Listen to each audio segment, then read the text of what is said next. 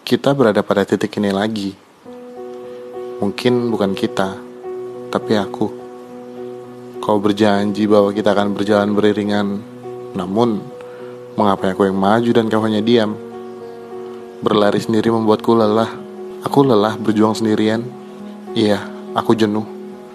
Kau bermain dengan kartu dan aturanmu, menarik ular sesuka hati, menyentuh lalu meninggalkan. Apakah aku pernah sekalipun lewat dalam benakmu? Apakah aku pernah ada?